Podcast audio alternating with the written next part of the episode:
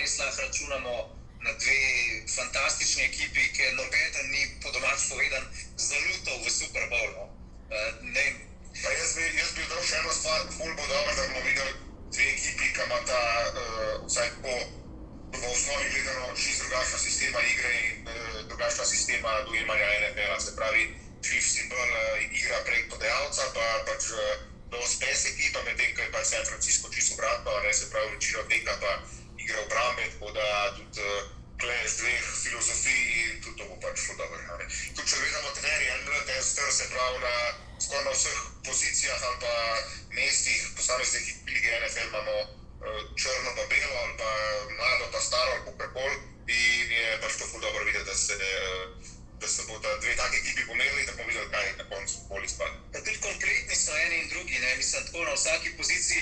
Zelo težko najdeš eno pozicijo, ki bi pa rekel, da so eni ali pa drugi slabi. Ne. Uh, Meni je velik plus tega Super Bowla tudi to, da obe ekipi prihajata v tekmo leta praktično brez kakršnih koli poškodb. Zdaj si tisti na prizorišču, pa lahko potem malo več poveš. Um, ja, kar se tiče poškodb, zdaj tako. Danes imajo ti igralci potem prvi trening, torej v sredo.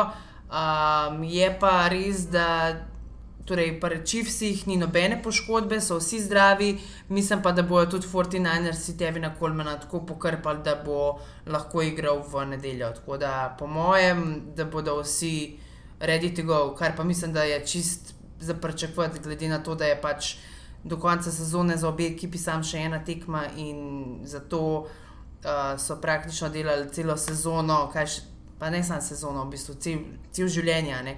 Tako da jaz mislim, da bodo vsi um, pripravljeni za igro v nedeljo.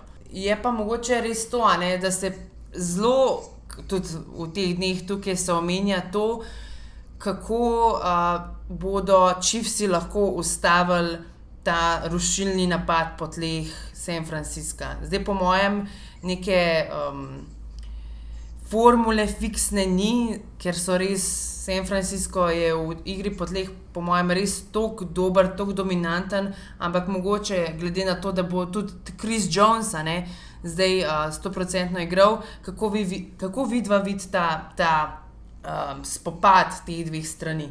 Ja, zdaj pač nekaj podobnega, kar sem že čisto videl že pred 14 dnevi. Se pravi, ko je igral proti podobni ekipi proti Titansom, pa je bil prejšnji teden, oziroma pred 14 dnevi, rata. Ne? Tako da uh, neke osnove, kako zaigrati proti Fortnitesu, sigurno imajo. Je pa res, da so Fortnitesi vse boljša ekipa od Tennessee.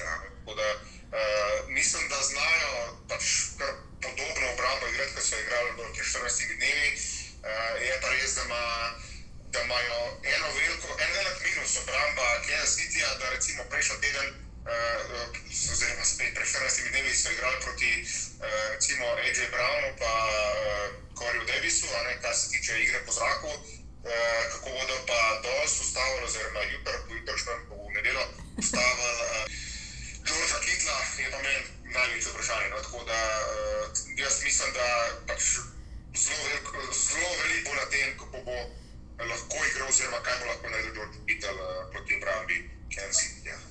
Ja, jaz sem tudi eh, prej, ki ste omenjali tek San Francisco, sem, sem je prva zadeva, ki se mi je pržgala, ki, ki je tukaj George Kittle v tej sliki.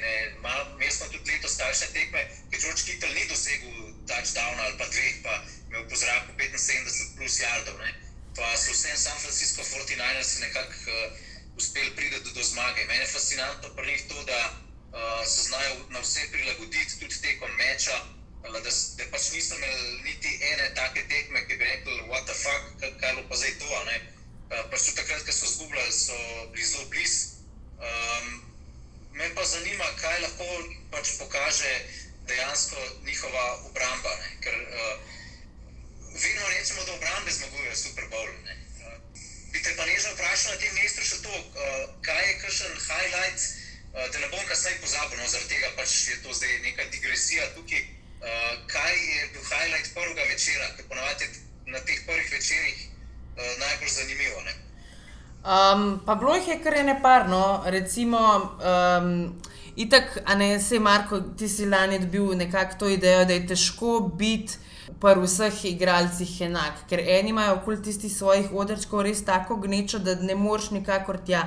Sem bila pa v bistvu zraven, ko so, ko so Tarika Hila vprašali, da naj pove enega človeka, ki je hitrejši kot on. Recimo, pač take izjave. Pa ne vem, George Kittel pravi, da je Jimmy Garoppolo, da ne zna odpisovati na SMS-e.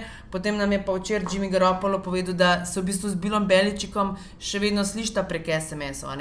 Take stvari. No. Vem, letos je bil mogoče malo bolj tak miren, uh, v narekovajih Opening Night, ker jaz še vsem mislim, da uh, ekipe, ki, oziroma tako, v prejšnjih, na, v prejšnjih treh superbowlih so bili vedno Patriots. Ja, ne?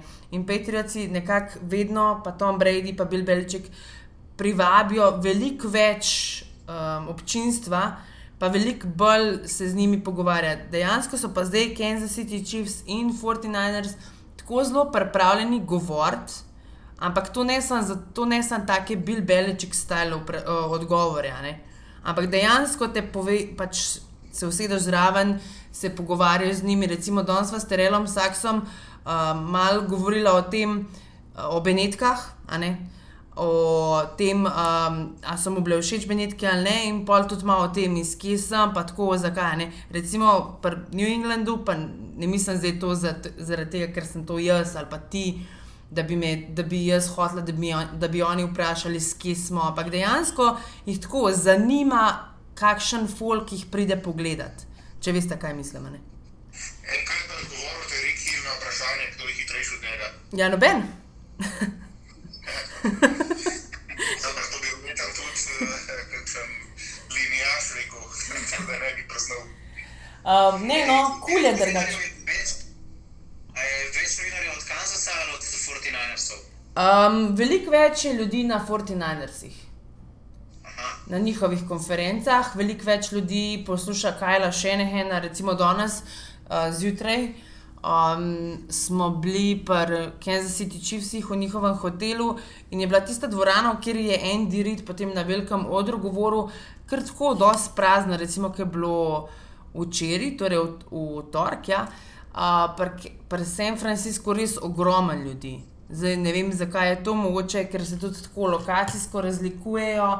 Recimo, um, Chiefsi, Chiefs so nastanjeni v enem hotelu, ene 40 minut stran od centra Miami, medtem ko so pač 49ersi v centru Miami in so veliko bolj dostopni, kar se tega Ja, to tiče. je to, to verjetno. Ampak je pa tako, no, drugače imam jaz občutek, da je malo manj novinarjev kot lani. Se pravi, mogoče samo zato, ker je pač lani so bili spet peci, pa je bil to nekako ta magnet, ki jih je privabil novinarje, da pridejo, oziroma vso srednjo, ki pride zraven. Uh, letos jih je pa manj, ampak to ne pomeni, da je manj zanimivo. Imaš pa recimo toliko več možnosti, da se pogovarjaš tudi s takimi stvarmi. Recimo danes sem jaz se s Trevisom Kelseyjem pogovarjala ena na ena, ker ni bilo nobenega drugega zraven. Tako da ni nujen to slabo. No. Kaj ti je porekel, kaj Travis? Uh, pogovarjala sva se o Tyronu Matthewu. Uh, jaz res ne morem verjeti, pač, kako je Tyron Matthew tako bil problematičen. Pa, um, dobro vemo, kako so, se njihove, kako so se v bistvu stvari med njim in Arizono pred dvema letoma končale. Uh, pa kakšne probleme je imel že preden je prišel v NFL z odvisnostjo uh, od alkohola in drugih opojnih substanc, uh, potem kako se je v bistvu odločil za to, da gre v Houston samo za, eno, za enoletno pogodbo in kako se je v bistvu potem prodal v Chiefs. Res je tako. No? Če ga ne vidiš, če v bistvu ga gledaš samo po, ali po Twitterju, ali po novicah, ali po kakorkoli, si res misliš, da je nek tak, ne vem, naduvan, no? ampak je res full fine, tako da mi je full všeč. Cel ta njegov um, pristop, recimo na Twitter je napisal v ponedeljek, kar se nikoli ne zgodi, je napisal po Opening Nightu, kao, thank you media, you were so great to me. Kjer model je še to kdaj napisal, ne pač noben. Tako da mi je res simpatičen. No? A to je napisal Honey Badger ali Travis Kelce? Ne, Honey Badger. Mogoče pijan. Ma, ni no, po mojem, kar fajn je. No. Jaz sem se ej, si že jih omenila, to uh, sem se spomnil, pač, eh, da je šel Houston igrati za eni. Uh, sta videla novico, da je Houston uh, head coach poskutil GM, Bill O'Brien. Ja, po mojem je to napaka. No. Zaradi tega, ker zdaj je on ta, ima zelo tako kontradiktorno vlogo. On se bo pogovarjal z igralci za plačo, a ne, o pa Miami Beach, a slišta sirene. Uh, A to sem tudi pa sem. um, no. v glavnem, uh, plačo. Tako, točno to. In jaz mislim, da je to, no, ma, ne vem, pa že prejšnji teden smo se dosti pogovarjali, oziroma pred, pre, prejšnji teden ja, smo se pogovarjali o tem, kaj je v bistvu sploh cilj um, Houston Texansov, a ne, a hoče sam playoff ali je bilo Brian človek za to, potem pa en teden potem ga povišajo tudi uradno v general managerja, tako da je, jaz ne pozdravljam te, te odločitve strani Texansov. A ni imel že dosti dela, da proba spraviti Texanse v konferenčni uh, championship game, bo zdaj še prevzel nekaj drugega od nekoga, oziroma Pa- nekaj, bi mogel načeloma nekdo drug delati. Pa to je tudi preveč obveznosti za enega človeka in furati front office in potem ekipo na igrišču, plus to, da je on play a Ne? Ti ne Ja, moreš. eh, noče biti preveč doma, pa zato si je spravil še Ja, da smo To pa ne vem, ampak jaz mislim, da je to preveč. No. Za enega človeka, da uh, v bistvu vod profesionalno moštvo v Ligi NFL, je to absolutno preveč odgovornosti. Zdaj, kako se bo pa to brez Zdaj tega? je hitro preverila, kako zgleda žena bila Brian, da videla, če beži za knjigo doma. Ne? No, dej, gremo ste počasi vrniti k Super Bowlu. No. Um, kaj si še kaj v Miami uh, videla, tazga, kar, kar je vrednega omembe? Iskreno povedano, med uh, domom, pa med medija centrom, pa med temi hoteli, v kateri sta obe ekipi, še nisem prav dosti videla, razen mal na hiter South Beach. Um, tako da je v bistvu tako, kot na sliki, no, tista milka, une kučice, uh, barvaste. Bi pa ful rada šla v, v um, ta havanski del Miami, tako da mogoče to še predtem. Se mi pa tako, no, kar sem hodila v bistvu že pove, uh, povedati na začetku, pa sem pozabila, pa sem se zdaj spomnila, da se vidi, da je Miami veliko večji mest kot recimo Atlanta. Pa, Um, Minje, uh, pa Minneapolis predtem, zaradi tega, ker so v bistvu tudi tako deli mesta, kjer recimo, ah, ok, Super Bowl je ta teden, to je to. Če se Marko spomniš, člani, ki so bili v Atlanti, vsi v mestu so vedeli, da je Super Bowl tisti teden. Ja, ja, ja. Tle se že vidi. Tako kot je imel svoj plakat, značilka je sugerirala, da je pač dogodek leta v tem. Točno to. Tle je pa tudi to, da je tako dosta razdrobljen mislim, razdrobljenja. Ne, se pravi, nek, nek del um, Super Bowla je v bistvu v Miamiju, v centru Miamija, spet drug del je v, na South Beach, potem ekipi sta dokaj dosti stran ven, sploh Chiefsi. In pa, pa Miami je res toliko večji kot Atlanta, pa Minneapolis, da se pol to nekako ta feeling razgubi. Recimo tudi uh, Miami hit igrajo ta teden normalno um, kar se mogoče v prejšnjih letih ni glih dogajalo, da so bili. Um, Torej, da so bili v istem času, kot je bil Super Bowl, tudi drugi športni dogodki. Tako da nekako se je razgubil to. No? Ne vem, verjetno Ja, naslednja leta. No, da sploh si niso igrali z nobene tekme v tem Super Bowl viku, niti enkrat doma, se pravi, skozi so gostovali. Pa po mojem je krivo to tudi dejstvo, da v Miamiju je ipak na prvem mestu futbol, ne, ne pa futbol amerikano.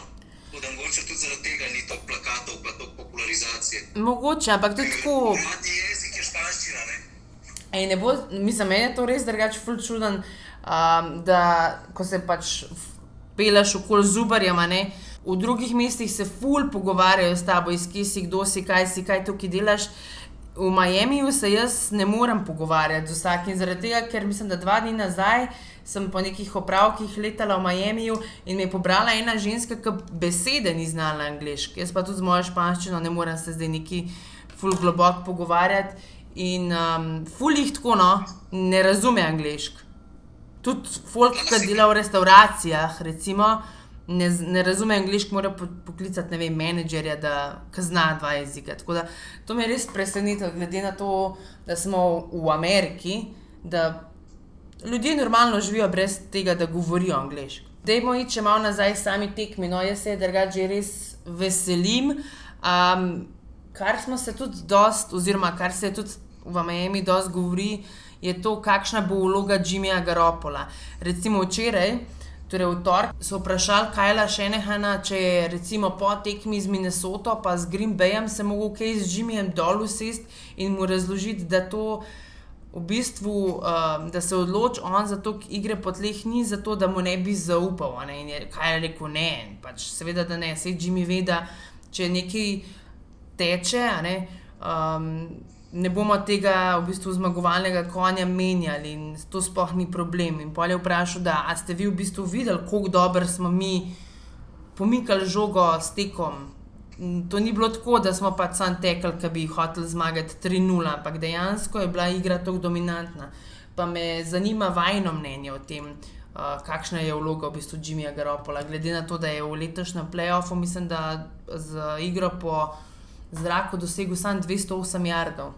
Ja, pač itak, itak je logično, da če te gre po tleh, vsaka ekipa na začetku pač vsaj v Super Bowlu proba po tleh? In valjda tem, če gre po tleh, zakaj bi eh, dal pač žogo podajalcu, pa tudi če je to, ne vem, Rodgers ali pa Brady, ampak če imaš ti tekača, ki imaš že v polčasu blizu 100 jardov, pa tudi da so posamezni poskusi vsi na 4-5 jardov, pač bo vsaka ekipa to delala, a ne? Ki deluje, bodo pač eh, počeli oziroma ponavljali, dokler bo šlo, oziroma dokler bo zadeva dovolj dobra. Ne? Pač na eni točki se pa tudi obram, pa še bolj posveti sam teku, ampak eh, niso, niso zdaj, kot si rekla, pač tekli zato, ker hočejo sami po sebi teči, pa ker so ekipa, eh, ki več teče, ki podaja, ampak pač zato, ker je zadeva delovala, ne? ker, eh, eh, ker pač če ti skozi dobiš po 6, 7, 8 jardov, pa vmes kakšen dolg tek za 20-30 jardov, pač brez veze skušaš nekaj drugega. Tako da pač prvi testi tak ne bo obrambe, ker se ti ja lahko prvi četrtini oziroma četrtini in pol, mogoče so celemu prvemu polčasu ustavili te San Francisca. Če bo San Francisco skozi teko uh, eh, po 4-5 jardov, pa imel po ne, prvih 30 minutah 22 minut posesti, a gladko bodo igrali tudi v drugem polčasu isto. Ne? Če pa ne bo šlo, uh, že v prvem polčasu tako bodo pa mogli neki drug zaprovati. Tako da meni se zdi na, na Garopolu Na Garopolu bo zelo težko, oziroma veliko zelo, zelo neugodna naloga. No? Ker če bo tek res dobro lahko, pa dolge predaje, pa bo spet rekel, aha, Garopolo se je prešel do Superbola, če pa bo obratno, da tek ne bo šel nikamor, pa da bo Kansas City sodeloval v napadu, se pravi, da bo dosegel iste točke San Francisco, pa celo več, pol pa Garopolo mnogo podajati in pol pa če on ne bo dosegel velike avaže, pa dobrega odstotka zaključili, bodo pa tisti, ja, pač vlada, da San Francisco ni mogel zmagati, ker nimajo dobrega podajalca. Tako da Jimmy je zelo taki kočljivi poziciji, ne, ne more ne vem kaj dodati, oziroma težko si predstavljam, da bo vrgel za 300 plus jardov, pa za 3 plus touchdowne, uh, lahko pa gladko reče, ja, pa, pa ker so ga poklicali k nalogi oziroma k temu, da lovi nasprotnike, pa ni mogel tega narediti. Ne. Tako da Jimmy ima zelo, zelo težko nalogo pred sabo, no, pač, dokler bo vlada šel tek, bodo tekali, pa, pa če bo mogel on zadeve prevzeti, pa jih ne bo dobro spelo, bodo bolj full kritike. Ne. E, jaz mislim, da Jimmy Garoppolo se ne rabi v tej ligi več res nobeno dokazovati. Jaz mislim, da je on že z dosti tekmami, zdaj imamo pa že tak numer ustekan, ki je bil on starter, da pa ne moremo reči, da je povprečen. On ima, ne vem, 22 zmag, pa 5 porazov, odkar je startul z dosti različnimi, uh, mislim, dobro, ne bom rekel dosti različnimi ekipami, ampak pa New Englandu nekaj časa, potem pa pri dveh različnih sezonah uh, za 49erse, uh, ipak je mislim, da po Stevu Youngu, pa po Joe Montani, tudi edini quarterback te franšize, ki je imel v rednem delu quarter, ta QB rating nad 100, pripeljal ekipo, uh, dobro s pomočjo, seveda, ostalih fantov, tudi do Super Bowla. Uh, imeli smo tudi take tekme, ki je imel predost podaj, ima zelo soliden ratio uh, doseženih touchdownov proti interceptionom. Na vse zadnje pa lahko rečemo, da skrbi tudi za popularizacijo ameriškega nogometa pri nižjih spolih. to je ti znano To je tisti najbolj pomemben podatek, ki sem ga hranil za konc. Kad se odločiš, da je podajal zobra, da ni dober bol. Ja, tako. Če je še prvenske, ima je bol. Če ga obrajtajo, pa, pa to je pa kljubca, da najpomembnejši. Neža, nisi še povedala, koliko časa si na intervjujih sedela zraven tega A, a ti je to Marko povedal, a, da ker me dobro pozna? Si ti sam, sama povedala, ko smo končali prejšnjo podcast. Neža Pavčič, dragi poslušalki in pos, poslušalki in poslušalci, ima soft spot za Jimmyja Garoppola. A, Ni edini, verjetno. Res me zanima, a, da, sem, da, da smo se z Jimmyjem hecala iz kje doma. Ja, to je. Ne, no, simpatičen je. Včeraj so ga vprašali, uh, če se kdaj. Uh, Če kdaj ni dobre volje, če- oziroma če se kdaj ne smeje, ker z izjemo tistih par porazov, ki jih je imel pri 49ersih, se res skozi non-stop smeje. In je v bistvu pol v Fori rekel, a mislite, da se res ful smejemo. Um, tako no, sim, tak, v redu je, simpatičen je, no, tako bom rekla. Ej, še um, tvoje, tvoj odgovor na vprašanje, ki si ga sama zastavila, uh, glede tega po obrambe Cityja, pa Jimmyja Garoppola.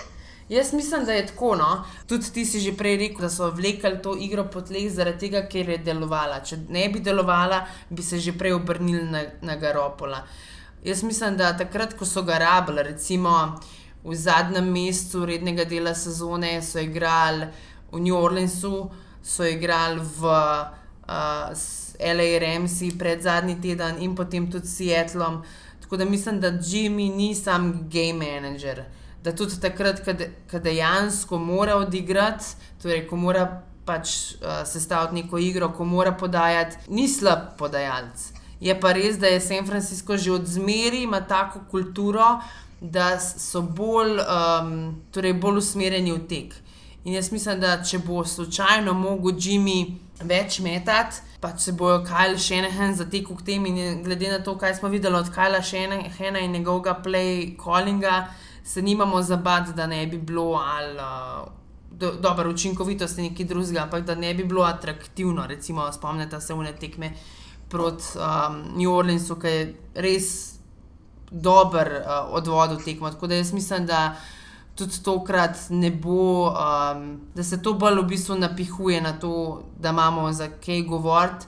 Res njegova statistika v končnici ni tako bleščeča, kot bi si jo recimo podajalec želel, ampak ne glede na to, jaz mislim, da so 49ersi um, tako zelo kompletna ekipa in tudi Jimmy ni, da bi rekel, ne vem, njihova ahilova peta. No? Tako. Ne, vaju, če sem jaz prav razumel, je vaju strah, uh, kaj se bo zgodilo s PSG-jem od, uh, od 49ersov, če bi morali, če bi pač hipotetično rečeno obramba Kanzasa ustavila tek in bi se morali zanašati samo na podajo Jimmyja Garopola.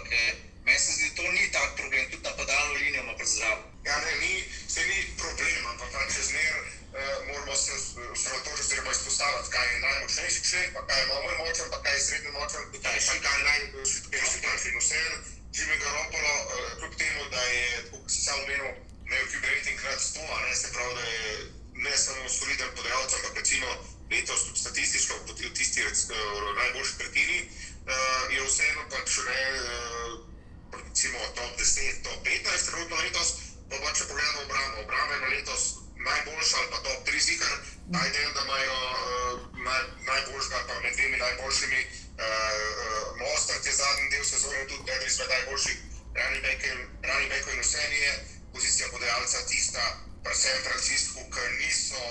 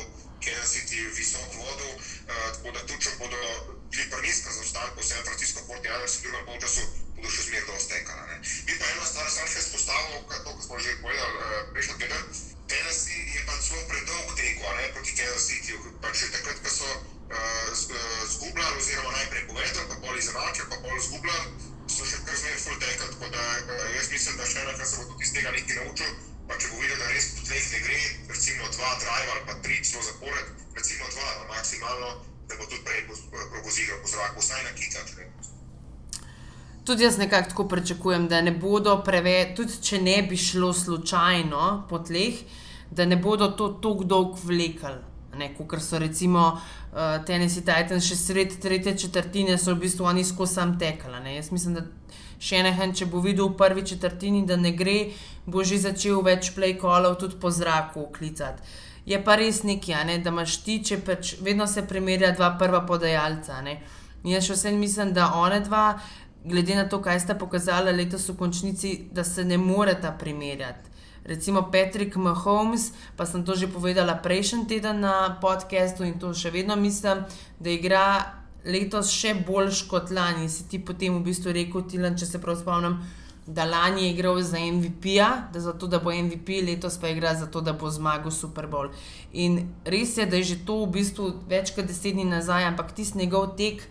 Proti Tennesseeju, ti za 27 jardov, kako je v bistvu ro, uh, naredil rolling, pa se štirim uh, Titansom izmuznil, se še vedno tukaj v Miami, v Fullo menja. Uh, Uh, jaz mislim, da glede tega so res v prednosti čivsi, me pa skrbi ta sam dve stvari. Če bodo 49ersi, če bodo 49ersi povedali, jaz mislim, da letos ne bodo v, bistvu se nekako tako udal, kot ima mogoče Kajl še nekaj spomine. Na tisti Super Bowl 51, če se dotaknemo še tega, so ga tudi včeraj vprašali, če je mogoče to pustili kakšne posledice, glede pač kar se tiče njegovega vodenja tekme. In rekel, da v bistvu ja, da so bili proti Minnesoti, ker je bilo do konca tri minute. Je hotel uh, Robert Zelah ven poklicati starterja ne? in je Kajl še en rekel: Ne, do konca bomo igrali starterji, ker jaz se ne grem še enkrat tega. Um, ne bomo nič popuščali, in uh, je rekel, da ga v bistvu zaradi tega še hece. Tako da Kansas City Chiefs, če bodo zaostajali, bodo morali, veli, oziroma ne, ne smejo toliko zaostajati, kot so recimo proti Houstonu, ker mislim, da s to obrambo, ko imajo 49ersi, bo res povratek težji. Ni pa nujno, da bo, ne vem, če zaostajajo za dva ta žana, da je to. Uh, pa še to, zanima me res, kako bo. Andy Reid vodil, um, kar se tiče in-play calling, in kako bo nadzoroval uro, glede na to, da ni slovel pot, kot nekakšen strokovnjak za te stvari. Bi pa sam še to dodala, ker smo se prej pogovarjali o Georgeu Kitlu. Da je imel Fox svojo ekipo, vseh analitikov, vseh voditeljev, uh, včeraj, uh, pač nekakšen mini-media day. In je bil tam tudi Rob Gronkovski, ker je on občasni analist v studiu, kar se tiče za Fox. In so ga vprašali, um, glede na to, da, je, da pač igrate v Super Bowlu tudi dve ekipi, ki imata odlične tajdende, koga bi on zbral. Ne boste verjeli, da je dejansko izbral enega in se je odločil za tega, da je Kitel boljši. A od, od koga? Ja, Kitel. Ja, zdaj uh, drugače, jaz bi se to kar strelil, ampak uh -huh. zdaj je to tako, recimo, ali pa če gremo v NFL-u, ali bi zbiral med uh, najboljšim Petrom Manningom, pa najboljšim Tomom Bradyjem, ali pa ne Daryl Robertsom. To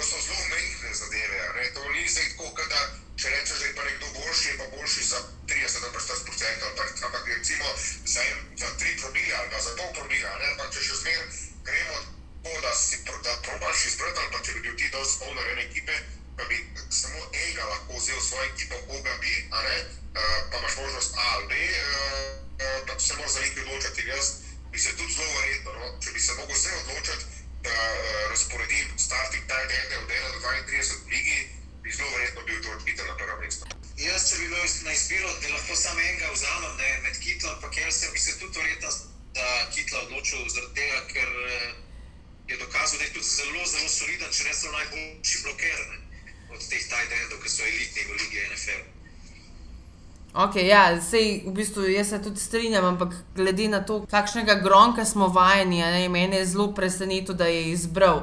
Um, sicer je bil pa. A res?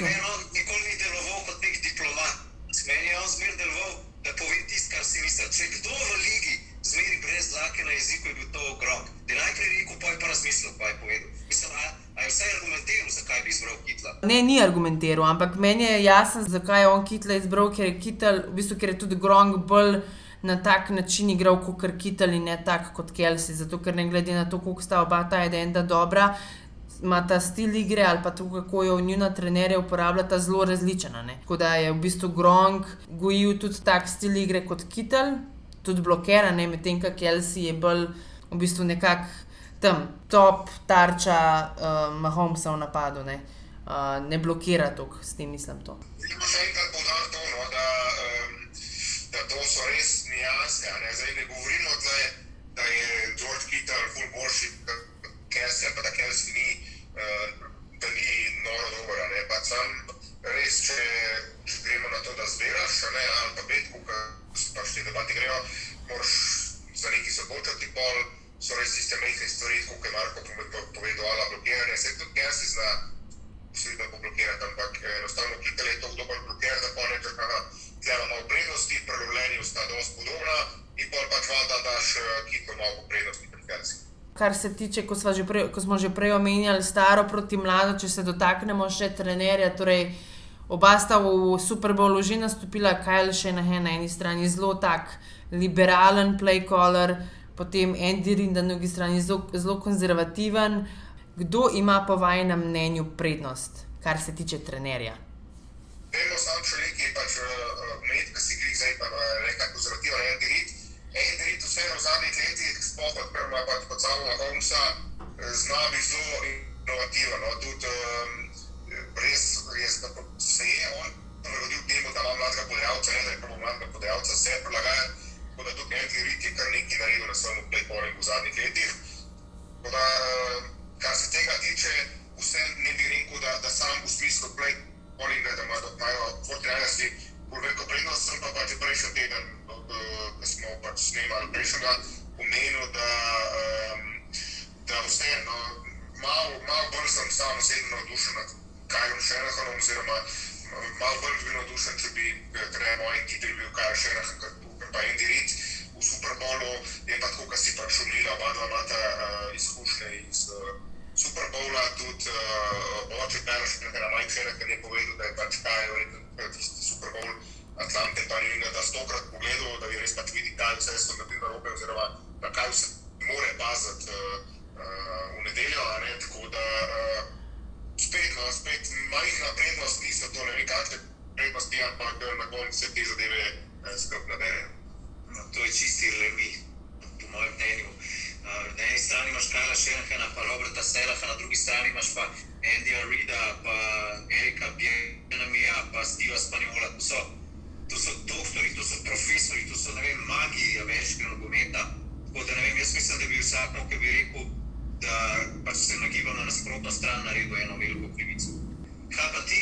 Pa jaz se nekako tako, no, da strinjam z vama. Um, mislim, da to smo. Vse, smo, vse se res včasih tako že ponavljamo, pa nekajkrat smo že rekli, da je Kajl še en res uh, tak play caller, kot ne vem, kdaj smo ga na zadnji videli, upa si, uh, kar so tudi že pokazali do zdaj, ne, ene parkrat, recimo, spomnim se tiste akcije na tekmi proti Green Bayu, kako so jih nategnili že na prvem touchdownu, ki je v bistvu na tretji in osem potem Mostard pretekel za 30 jardov, še več. Um, tako da take mehke stvari, ki jih kaj še ne hnem takoj opaz, um, so tudi po mojem, no, vsaj pol plus za 49ers. Tako da ni pa zdaj spet, kot sem rekel, in o Kitlu, in o Kelseyju, to ni spet taka razlika, da bi se jo gledali po ne vem. Uh, procentih, ampak to so res te, take nijanse, in veliko bo tudi odvisno od tega, kako zelo se boste ekipi, recimo po času ali pa po prvi četrtini, prilagodili temu, kaj sta videla oba trenerja, oziroma vsi play-colleri na igrišču. Tako da bo veliko odvisen tudi od tega, no, česa se bosta uh, potem lotevala ali pa kaj bosta na koncu upeljala. Tako da bi se pa odločila nekako overall za tako majčkeno prednost še na ena. Mislim pa, da, fanta, da moramo absolutno nasloviti zdaj dve tragediji v bistvu dveh dneh. Uh, najprej mislim, da noben ki spremlja ameriški šport ali pa kakršen šport na splošno, ne more biti ravnodušen, glede na to, kaj se je v nedeljo zgodilo v Los Angelesu, um, Kobeju, Bryantu in njegovi hčerki, oziroma vsem tistim, ki so bili v tej nesreči udeleženi. In uh, jaz vam lahko povem, da v Miamiju je Kobe Bryant, ne glede na to, da je to Super Bowl in največji enodnevni športni dogodek v Ameriki, da se vsak dan govori o Kobeju Bryantu. Um, da je pa v bistvu nekako še težji to za navijače NFL-a, je pa včeraj, torej v torek, umrl še um, Dolman, ki se je bo, že dolga leta boril z rakom. Torej, Kris Dolman je med drugim tudi igral za Minnesoto, bil je sprejet pred leti že v hišo slavnih v Kentonu, Ohio. In v bistvu danes sem bila zraven, ko je nekdo. E, torej, eden izmed novinarjev, Terela Saksa, o tem povprašal. In Terela Saks v bistvu najprej sploh ni vedel, zato, da je Dolman umrl, potem je pa v bistvu povedal, da je on, torej prav Dolman, eden izmed razlogov, zakaj je Terela Saks, torej legenda v bistvu NFL-a, eden najboljših, torej za Baltimore, kar so kadarkoli igrali, je povedal, da. Je pač Dolman eden izmed tistih, zaradi katerih je vsak začel igrati NFL. In mislim, da si tudi te, te dva dogodka pač zaslužita našo pozornost, zdaj kako vi dva gledate na, to, na te dve tragediji.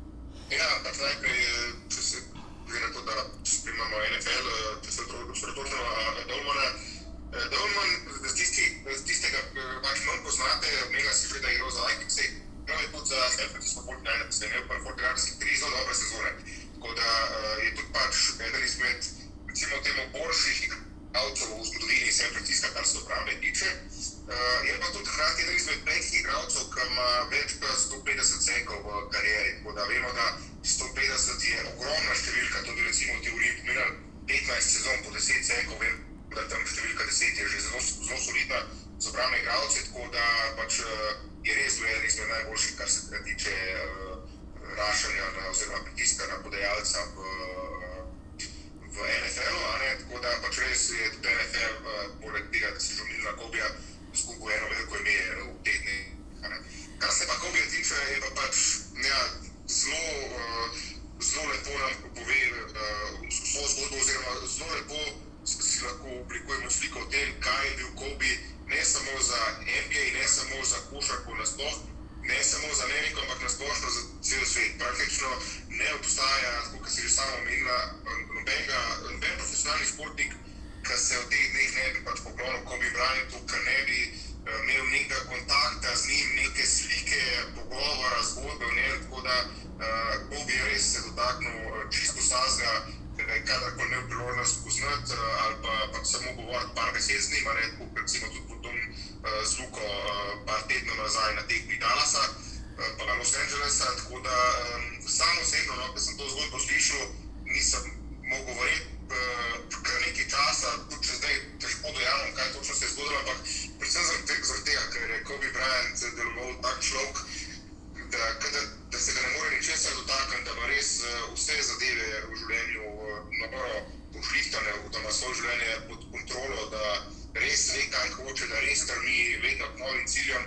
Pol potem, takoj, ko je zaključil basket kariero, se je hitro po, posvetil tudi uh, filmu oziroma prejel pač nagrado Oscarja. ne, Tako da uh, jaz sem za Kobeja pričakoval, da bo verjetno preživel tudi vse naše, da bo živel več kot 100 ali pa več kot 120 let uh, in pol, kar nekaj tasga slišiš. Uh, zelo malo športnikov ali pa celo oseb na svetu je, ki bi tako šokirale celoten svet, uh, tudi recimo zavedati za njihovo smrt, kot je bilo to za, za Kobija. Sploh recimo tudi gener- generacija nas, se pravi uh, ljudi rojeni v drugi polovici 80 let, uh, je to nekako pač igralec, uh, se pravi v NBA-ju, ki si lahko že spremljal njegovo kariero. ne. Večina nas ni imela priložnost spremljati uh, Michaela Jordana skozi celotno kariero, ampak bolj uh, tam, recimo nekje od leta 90 ali pa še kasneje naprej. Uh, Medtem ko Kobe Bryanta si pa lahko, Kobe Bryanta si pa lahko spremljal že od leta uh, 96, ko je prišel v ligo in vse do leta 2016 je zaključil svojo kariero. Tako da imaš praktično vse, kar se je v njegovi profesionalni ekipi karieri zgodil, uh, si videl, si doživel, si lahko pokomentiral in tudi zaradi tega no, mislim, da, je, da se je pač to, kar se je zgodilo, ta tragedija, še toplo dotakala vseh in uh, malo starejših igralcev in uh, starejših tera in pa tistih srednjih letih, tudi najmlajših. Tako da res kobi kogarkoli je spoznal, kogarkoli je. Uh, s komerkoli se je pogovarjal, sem je po svetu in mislim, da to je tisto, kar vsi igralci, pa ljudje, ki so ga spoznali, res najbolj cenijo. Eh, Jaz bom sam še pris- pristavil svoj lonček. Jaz niti približno ne spremljam košarke, pa NBA lige to, ker Tilan, pa marsikdo drug v Sloveniji, priznam, da Kobija Bryanta niti enkrat nisem pogledal, recimo cele tekme.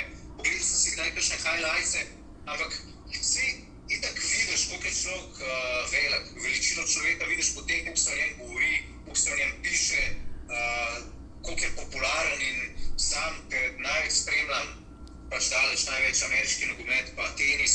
To je način s tem, da bi recimo čez tri leta končal kariero, Rafa Nadal čez pet let bi pa umrl. In to bi bila spet ena nora, nora tragedija. S tem sem se pogovarjala v telefonskem pogovoru, tako eno uro ali pa dve uri potem, ko so začele na plano prihajati novice o tem, da je pa vendarle res, da to ni nobena šala, da to ni noben trol, da je Kobe Bryant dejansko strmoglav s helikopterjem. In jaz se bom kar strinjal tukaj s Tilom, da to je največja športna tragedija tega tisočletja. Kako si pa ti to doživljala? Jaz iskreno nisem vedela da, za to, dokler nisem prišla iz aviona. Torej, jaz sem glih v nedeljo, ta čas, ko se je vse to začelo dogajati, sem letela iz Madrida v Miami in ko sem pač prestala, pržgem telefon. In tako je ESPN, da je v bistvu potrjeno, da je ena izmed žrtev je tudi um, Kobe Bryant. In sem tako šla na Google in pogledala, in potem v bistvu šele pač začela dobivati SMS-e, odprem Instagram, vsi tributes to Kobe. Tako da jaz sem na začetku pač mislila, ne vem.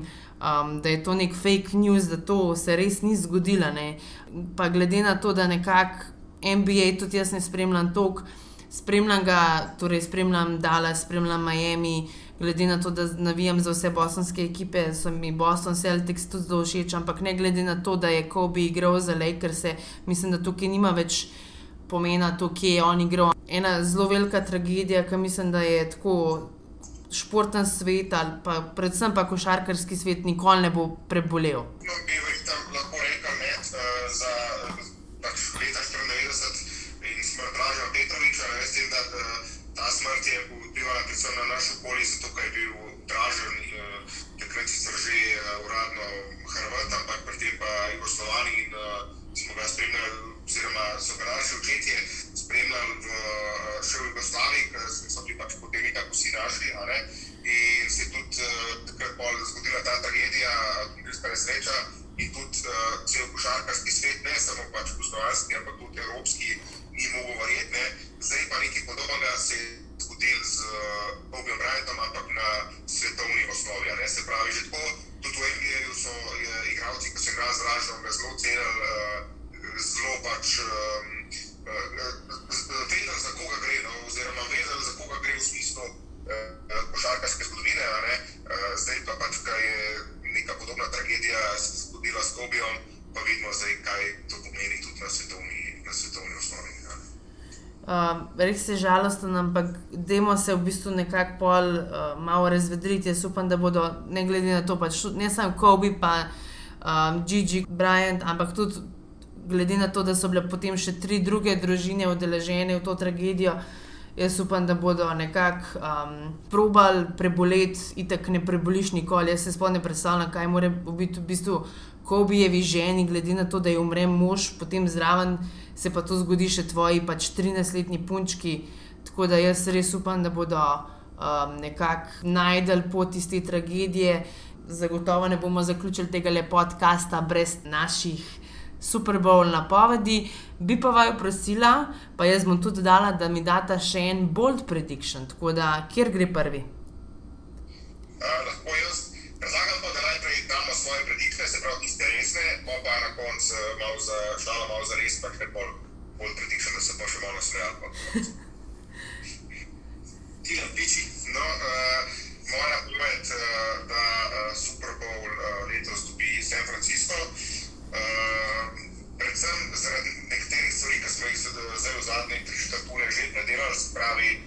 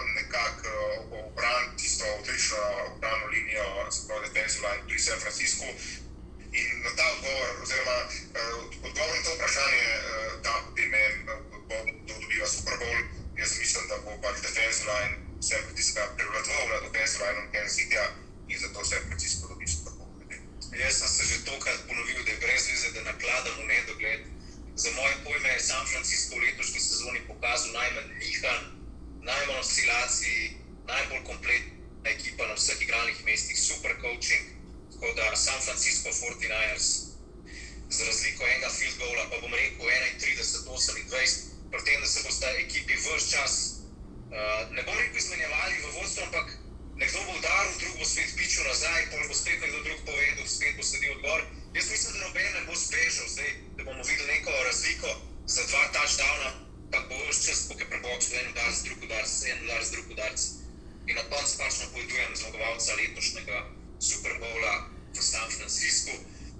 Če pa slučajno zmaga Kansas, se pa sploh ne bom sekiral in, in čist prvoščil. Neža, izvoli.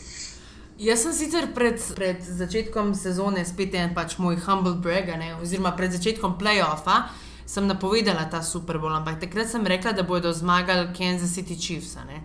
Zdaj bom pa ta svoj pik spremenila in se bom kar pridružila vama. In mislim, da bodo zmagali 49ersi, zaradi tega, ker če pogledamo, ti nam rekel si, da v bistvu nekih razlik na vsaki poziciji ni velika. Ne?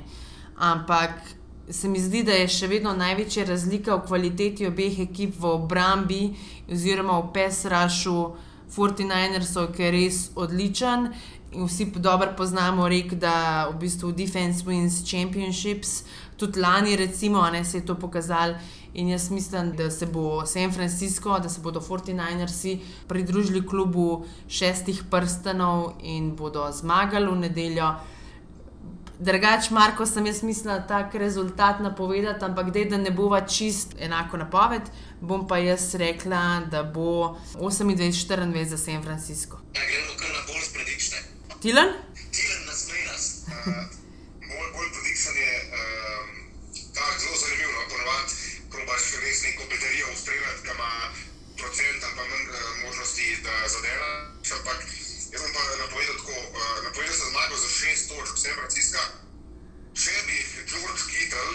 Usvojil oziroma ujel več kot 100 jardov v nedeljo, bodo pa San Francisco 49ersi razbili Kansas City za 14 točk ali več. Se pravi, če bodo poleg tega, da bi zelo verjetno šel tek, potem še George Hitler uh, ujel stojalo, sicer upamo, da ne v tem smislu, da bodo zaostajali, pa bodo zaradi tega podali več na njega, ampak če bodo preko, preko same igre, če bo George Hitler veliko udeležen, uh, kot smo rekli, da ne bodo pač sam tekal, pa da bo prišel tam na 100 jardov, mislim, da bodo San Francisco, Fortinaro se tudi pasirali, Kansas City. Okay, moj, moj bolj prediction je to, da bo na uvodnem uh, vračanju Mikol Hartman že v prvi akciji tekme dosegel touchdown za norišnico na tribunah v sekciji navijačev Kansas Cityja, uh, pa da bo imel ta Hill zrač tekmo, da ga bojo uspeli zadušiti, kar se bo poznal tudi na njegovem obnašanju uh, in bo pač zelo, zelo živčen, kar je v njegovi navadi, če ga pač ekipa da nismo, nismo velikokrat videli, uh, sploh ne na prvi akciji tekme vračanja, razen recimo v tistem Super Bowlu Chicaga pa Indianapolisa, uh, je. Moj, moj, jaz sem razmišljal med bodyboardom to, kar sem povedal, pa recimo, da bi se na tekmi zgodil in uh, fumble return za touchdown in interception return za touchdown,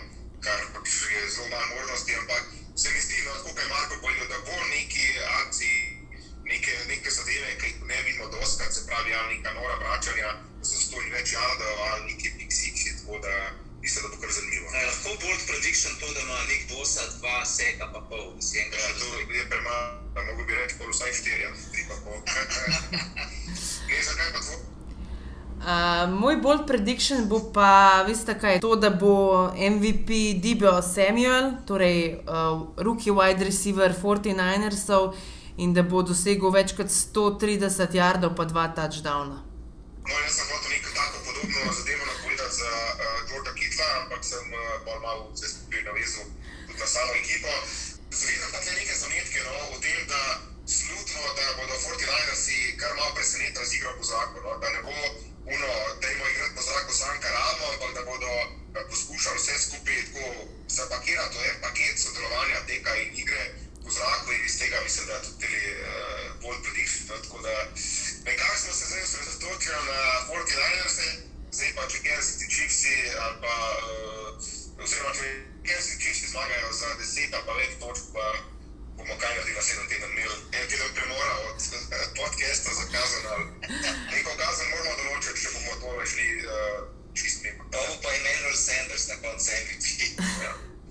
Ja, ne vem, pa bo pa na koncu Tyreek Hill imel 200 yardov, pa uh, o kazni pa ne vem, Tilan. Uh, Bom pa nekaj bomo določili, no, ampak dajmo si pustiti par dni manevrskega prostora. Bomo pred Super Bowlom bomo določili, pa bomo tudi eh, povedali eh, recimo na Twitterju, da ne bo pol kasneje, da, da smo si dali prelahko kazen, ampak če Kansas City Chiefs ne samo zmagajo, ampak recimo res za vsaj 10 točk, pa recimo 7 premagajo 49ers, bomo, bomo neko kazen izvedeli. No.